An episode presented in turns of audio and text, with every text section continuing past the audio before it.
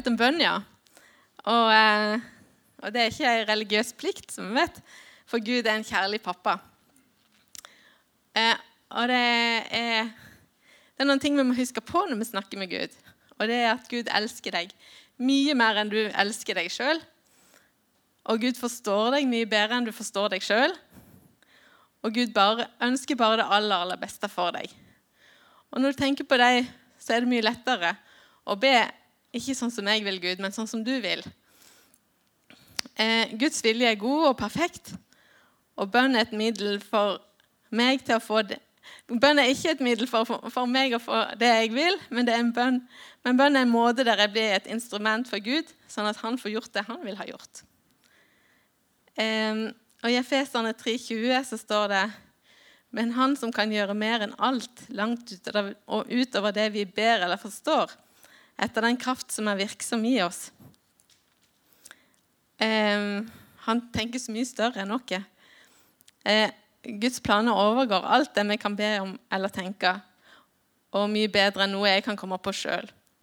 Så vi må ikke begrense Gud. Eh, vi må be på den måten som Jesus sa. Gud, ikke sånn som jeg vil, men sånn som du vil. Eh, Gud, jeg vil ikke be om å bli helbreda, f.eks. Eh, for, for, fordi at jeg vil være helbredet, men, jeg vil jeg men fordi jeg tror at du, Gud, vil at jeg skal være frisk. Eh, eh, også nå vil jeg si litt om noen ting som må være i orden. Eh, når, vi, når vi ber, som det står om i Bibelen eh, Den første tingen det er å legge ned vår egen vilje og omfavne Guds vilje, sånn som Jesus gjorde. Som jeg har sagt før, når han ba ikke sånn som jeg vil, men som du vil. Og det neste nødvendigheten, det er å tro. Hebreerne 11,6. Der står det men uten tro er det umulig å være til behag for Gud. For den som trer fram for Gud, må tro at han har til, og at han lønner den som søker han. Så tro er helt nødvendig for å bli godtatt av Gud. Eh, vi må tro at Gud fins, og så må vi tro at han belønner den som ærlig søker han. Men det betyr ikke at vi trenger å studere teologi først. Eh, det er en tillit til Gud som en person. At vi stoler på hans karakter og stoler på at han elsker meg. Eh, at vi har et, et rett bilde av Gud som nådig og god. Og I Matteus 21, eh, 22 så står det og alt dere ber om med med tro i deres bønn, det skal dere få. Så det er et løfte. Og i Johannes, 1. Johannes 5,14 eh, så står det eh, Og dette er den frimodige tilliten vi har til Han, at dersom vi ber om noe etter Hans vilje, så hører Han oss. Eh, så frimodig tillit til Guds godhet og løfte er viktig. Og Romerne 10,17 så sier det, det så kommer da troen av forkynnelsen som en hører. Og forkynnelsen som en hører, kommer av Kristi ord. Så troa kommer av å høre Guds ord. Og hvis du ikke har tro, så kan du få tro. Eh, og så eh, litt av det som de snakket om før, her om at bønn er toveiskommunikasjon med Gud. Det er en samtale.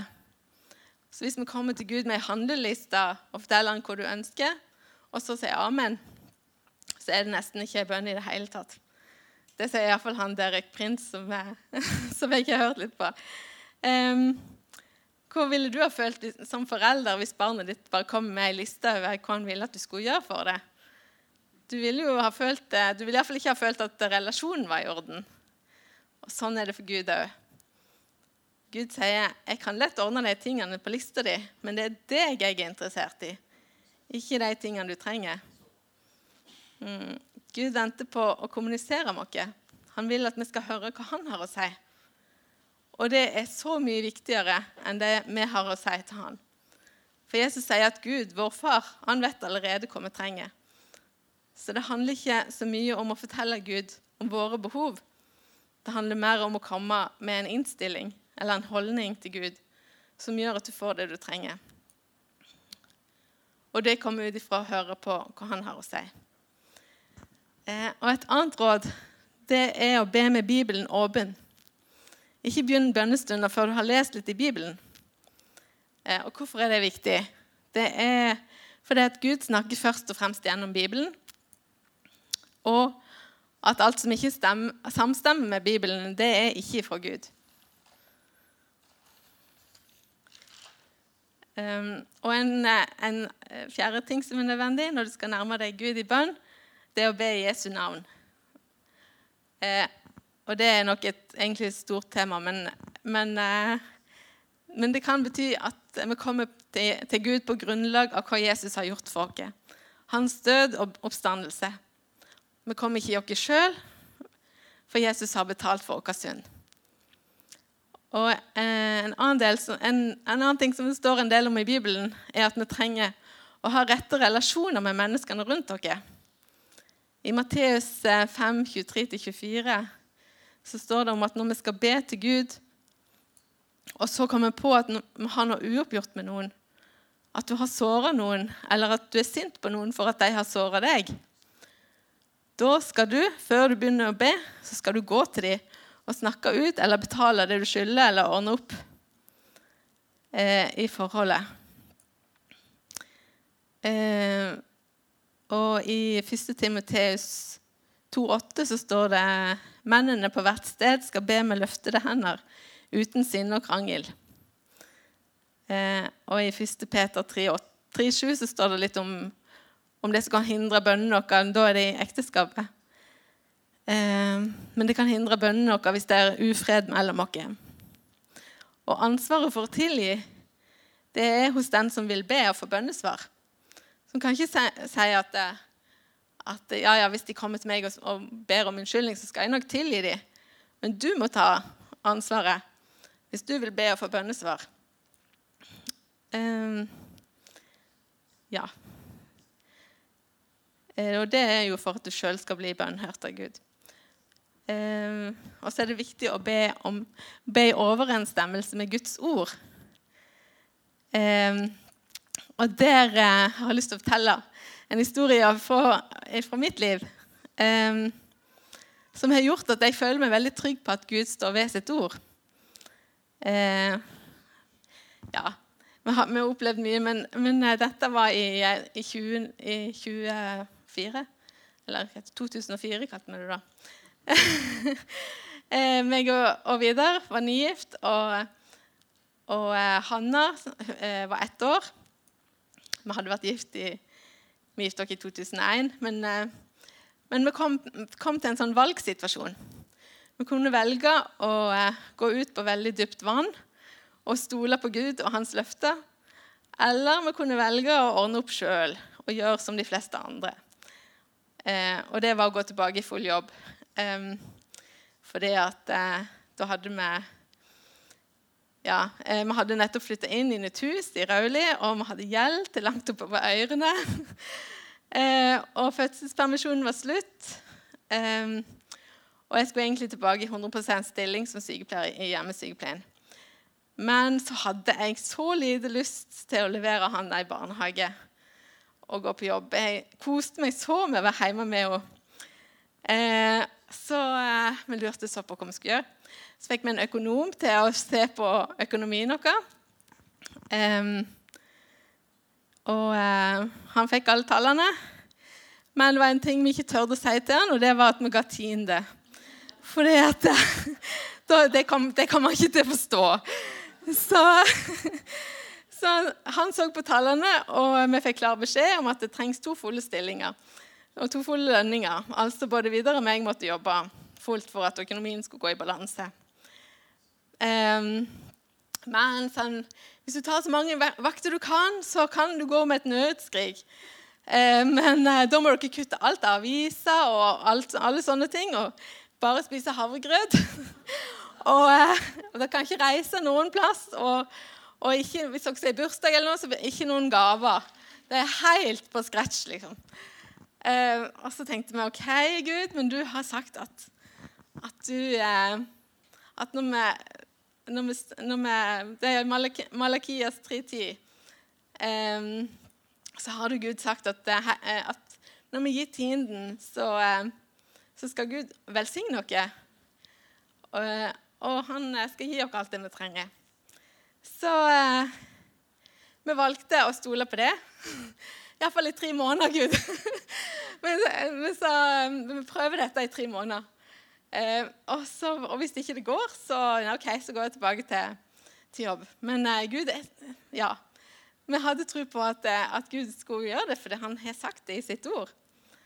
Eh, så da eh, Og vi ville fortsette å gi tienden og stole på at Gud ville stå ved sitt ord. Eh, ja, og velsigne oss. Og det gjorde han virkelig. Vi hadde alt vi trengte.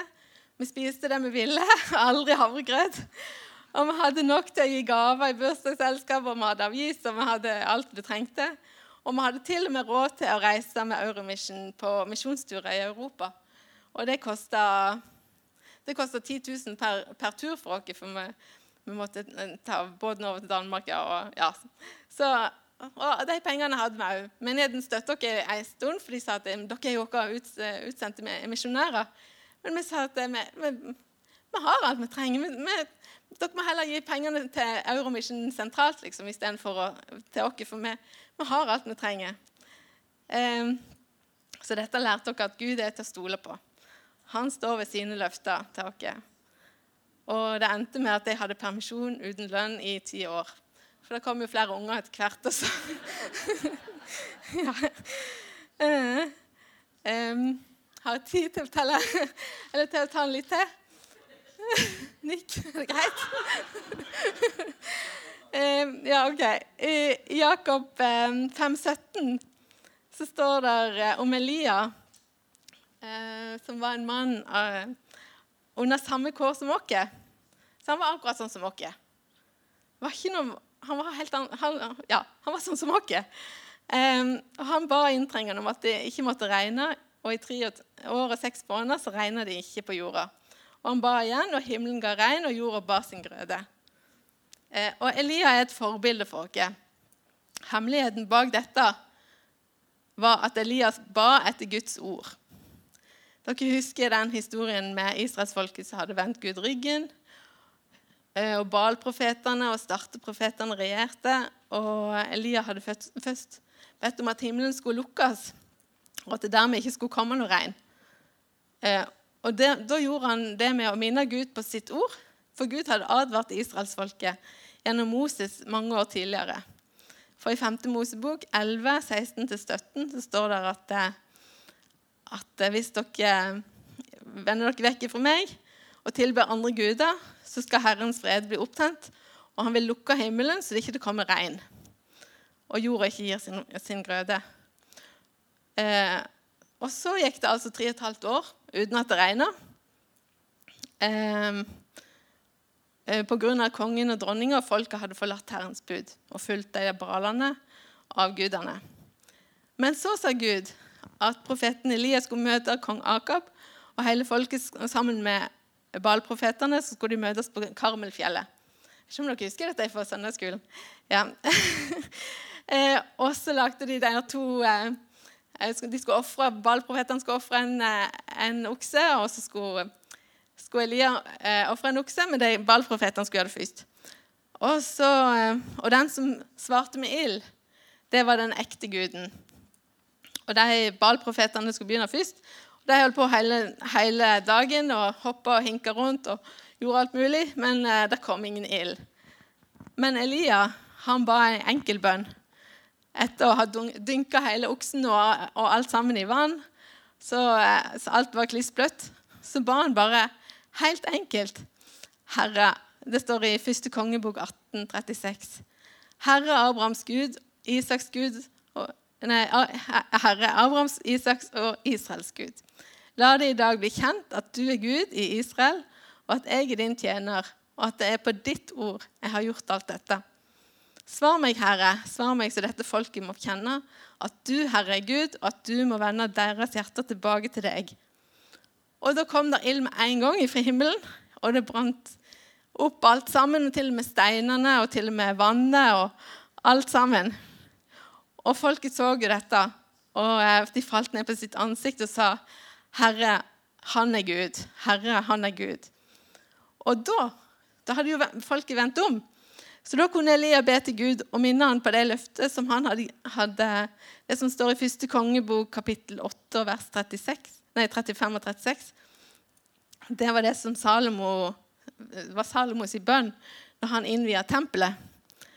Eh, for da sa han at når himmelen lukkes og det ikke kommer regn fordi, det, fordi eh, de har synda mot deg, og, og de så ber, vent mot dette stedet og bekjenne ditt navn og vende om fra sin synd, fordi du har ydmyka dem, da vil jeg høre fra himmelen eh, og tilgi dine tjenere og ditt folk Israels synd. Og du vil lære dem den gode veien de skal vandre, og du vil la det regne over ditt land, det landet du har gitt ditt folk til arv. Så Gud hadde gitt et løfte om at når folket vendte om, så ville han eh, gi regn. Og det minner, Han bare minte Gud på det han sjøl hadde sagt det som sto i Bibelen. Eh, ja, eller i den skriften som de hadde da. Eh, så når Elia ba etter Guds ord, så ba han med autoritet. Og den autoriteten var at han bare minner Gud om de løftene han allerede hadde gitt sitt folk. Eh, og det forklarer hvorfor bønna var så effektiv. Eh, og nå skal jeg snart slutte, men Noen sier at det er ca. 8000 løfter i Bibelen. Så hvis du har et behov, så bare finn et løfte som omhandler det, og min Gud om hans eget ord. Da kan du òg be effektivt og med autoritet. Men husk òg de andre tingene i Bibelen som, som, med, som, har, mm, som har med bønn å gjøre. Og det er at Vi må legge ned vår egen vilje og be sånn som Jesus. Gud, la din vilje skje. Og så må vi be til Gud i tro på Han, og i tro på at Han belønner den som søker Han.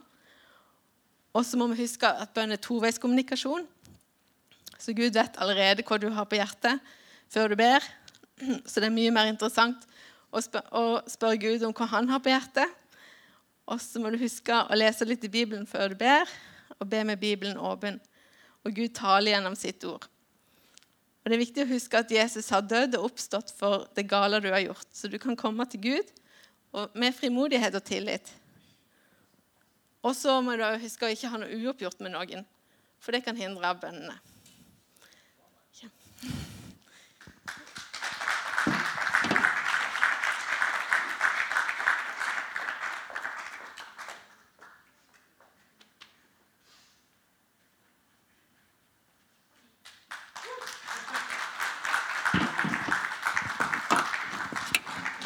Det var flott, May-Britt. Det er nesten ikke nødvendig å si noe mer etter alt det du har sagt, fordi at du har toucha veldig mye av de virkelig vitale tingene med bønn. Så jeg skal korte veldig ned, men jeg eh, eh vil da minne igjen om det som du òg begynte, at eh, det er et veldig positivt utgangspunkt for bønn, egentlig. Og det har med at Gud er kjærlighet. Og han elsker oss, han elsker deg og meg. Det er utgangspunktet for at han vil ha en relasjon med oss. Jeg elsker det ordet som jeg nevnte sist gang jeg var oppe og, og sa noe. og Det er det siste verset i eh, Korinterbrevene. Og det er Må Gud, vår Fars kjærlighet, og Jesu Kristi nåde og Den hellige ånds samfunn være med dere. Og det rommer så mye av evangeliet. Evangeliet som er gode nyheter. Og det er det at Gud er for oss. Og han vil bare gode ting. Han har bare gode hensikter. Hans ansikt skal lyse over oss og være oss nådige og hjelpe oss og velsigne oss og vise oss nåde hver dag. Det er utgangspunktet. Men så er det det der fellesskapet med Den hellige ånd. Og det er det som Gud har gjort så fantastisk, som ikke den godeste Elias hadde, som vi har et privilegium. Og det er Den hellige ånds nærvær på en spesiell måte når menighetens fødselsdag kom, pinsefestens dag. For da sa Jesus at han skulle ikke etterlate sine disipler farløse, men han skulle komme til dem i sin egen person ved Den hellige ånd. Så jeg vil bare igjen minne om Jesu ord fra eh, Johannes, der han beskriver veldig godt om Den hellige ånds gjerning. Men talsmannen Den hellige ånd, som Faderen skal sende i mitt navn, han skal lære dere alle ting. Minne dere om alt det som jeg har sagt. Og Det er veldig parallellført med det du sa, May-Britt, om Guds ord. Det er alltid eh, i samsvar med Guds ord at livet vårt eh, får kraft, og vi får bønnesvar. Og det er Den hellige ånds gjerning som skal gjøre det for oss. Videre så sier Jesus om Den hellige ånds gjerning. Jeg vil be Faderen, han skal gi dere en annen talsmann, for at han skal være hos dere for evig. Altså Her er det da en bekreftelse på at vi er en relasjon til Gud gjennom Den hellige ånd. Han er oss nær, han er i oss. Og så vil han minne oss på det Jesus har sagt, altså Guds ord. Og så vil han veilede oss og lære oss. Og så er det så fint, fordi at Paulus legger dette her inn i en, en flott anvendelse, altså i det praktiske liv. For i Romerbrevet 8 så forteller han om Den hellige ånd. Og her kommer også Ånden oss til hjelp. Og nå kommer bønnen inn. Han kommer oss til hjelp i vår svakhet. For vi vet ikke alltid hva vi skal be om, slik vi burde det. Men Ånden selv går i forbønn for oss med sukk som ikke rommes i ord. Dette er en sånn 24-7-greie. At når du lever i denne relasjonen, fellesskapet med Den hellige ånd, så kan du faktisk være i bønn hele tida. Ikke nødvendigvis med masse ord, men her får du hjelp av Den hellige ånd. Han kjenner vår svakhet. Han kommer oss til hjelp. Og av og til så må jeg jo kjenne det igjen, altså, som Paulus snakket om. Dette sukket som du kan kjenne. Og hvordan kan dette praktisk anvendes i et eh, hverdagsliv? Jo, det kan være sånn at Hvis du går i butikken, eksempel, så kan du plutselig få eh, en innskytelse av be for den som sitter i kassen. Eller du treffer en bekjent som du eh, tenker ah, uh, Herre, velsign den personen. Jeg gikk nettopp uh, si, en tur i byen, og så kom det en haug med ungdommer som skulle hjem fra skolen. Og så, så følte det sånn. Be for dem. Kanskje det er ingen som ber for dem. Og nå fikk jeg en sjanse til å velsigne dem og be. Det var jo en hel haug. Jesus kjenner du alle. Jeg kjenner de jo ikke, men Ånden kjenner de. Så kunne jeg be. Herre, velsign de. La ditt lys skinne i hjertene deres, og bli overbevist om at du er Messias, den levende Guds sønn. Altså, Sånn kan det funke i hverdagen uten at det er noe stress. Fordi at han kommer oss til hjelp i vår svakhet. Da skal jeg avslutte med Paulus ord. Og det er fra Tessalonika-brevet, og det forteller om Guds vilje. For han sier dette er Guds vilje. Første Tessalonika-brevet 5. Det skal vi lese.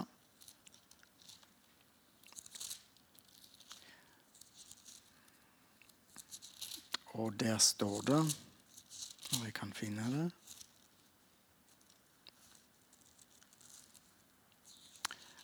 um,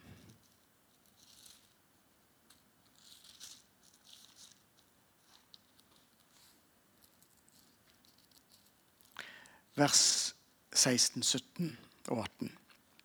Takk for alt, sier han, for dette er Guds vilje for dere i Kristus Jesus. Vi har mye å takke for. Når takken er i bunnen av eh, utgangspunktet, så kan vi faktisk gjøre det. Og det er Guds vilje. Og så står det um, Be hele tiden. På den gamle oversettelsen så står det 'be uh, uavlatelig'. Men vi kan òg si 'be hele tida'. Og det går an når du tenker deg denne relasjonen 24-7. Du er i uh, et forhold til Gud, og det gjør at du kan hele tida bare et sukk, eller du kan si en bønn og leve i denne avhengigheten av Gud. Og under alle slags omstendigheter så kan vi ha en takknemlighet i hjertet vårt.